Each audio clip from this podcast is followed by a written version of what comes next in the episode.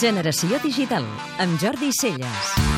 Google, Apple i Microsoft, tres de les empreses més populars del món, paguen una quantitat mínima dels seus impostos fora dels Estats Units. Aquestes tres empreses encapçalen un rànquing al qual se n'hi afegeixen moltíssimes altres multinacionals com Facebook, Amazon o Starbucks, que estalvien milers de milions de dòlars anuals en impostos gràcies a estratègies d'enginyeria fiscal. A principis d'aquest any, la Comissió del Mercat de Valors dels Estats Units, coneguda com a SEC, va obligar les empreses a detallar quins són els seus beneficis i quins impostos paguen sobre aquests beneficis als Estats Units i a la resta de països. Google i Apple han exprimit al màxim l'estratègia creada per Microsoft de facturar les seves vendes a l'exterior dels Estats Units a través de països amb baixa tributació, enllaçant facturacions a través d'Holanda, Luxemburg, Irlanda, Singapur o Bermudes. D'aquesta manera, aquestes empreses paguen una mitjana del 4,5% dels seus impostos per beneficis a l'estranger i més d'un 56% dins dels Estats Units. La diferència és tan escandalosa que des del moment en què va sortir a la llum les xifres van saltar les alarmes de molts països del món occidental i han acabat amb el treball conjunt d'Alemanya i el Regne Unit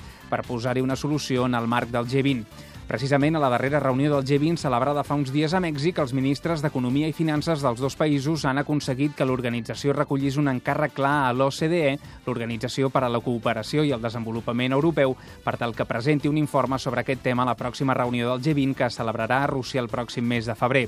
Aquesta curiosa unió entre Alemanya i el Regne Unit assuma els intents de França, segurament el país que més s'ha dedicat a la lluita contra les pràctiques d'enginyeria fiscal de les multinacionals. L'objectiu és intentar solucionar la paradoxa creada pels propis estats, ja que s'estan utilitzant figures creades per evitar la doble imposició internacional, o sigui, que uns mateixos beneficis tributin a dos països diferents per arribar a la nula tributació com a conseqüència de les agressives estratègies fiscals d'algunes companyies i de les facilitats d'alguns governs. És evident que la majoria de governs no havien treballat a fons els resultats financers que podien comportar els canvis en els negocis globals, especialment relacionats amb l'explosió del comerç electrònic i la compra de productes digitals. També és evident, tal com argumenten moltes multinacionals, que la tributació per beneficis és només una part dels impostos i que hi ha moltes maneres d'incentivar l'economia dels països on són presents. La definició del problema és tan clara com difícil en resulta la seva solució.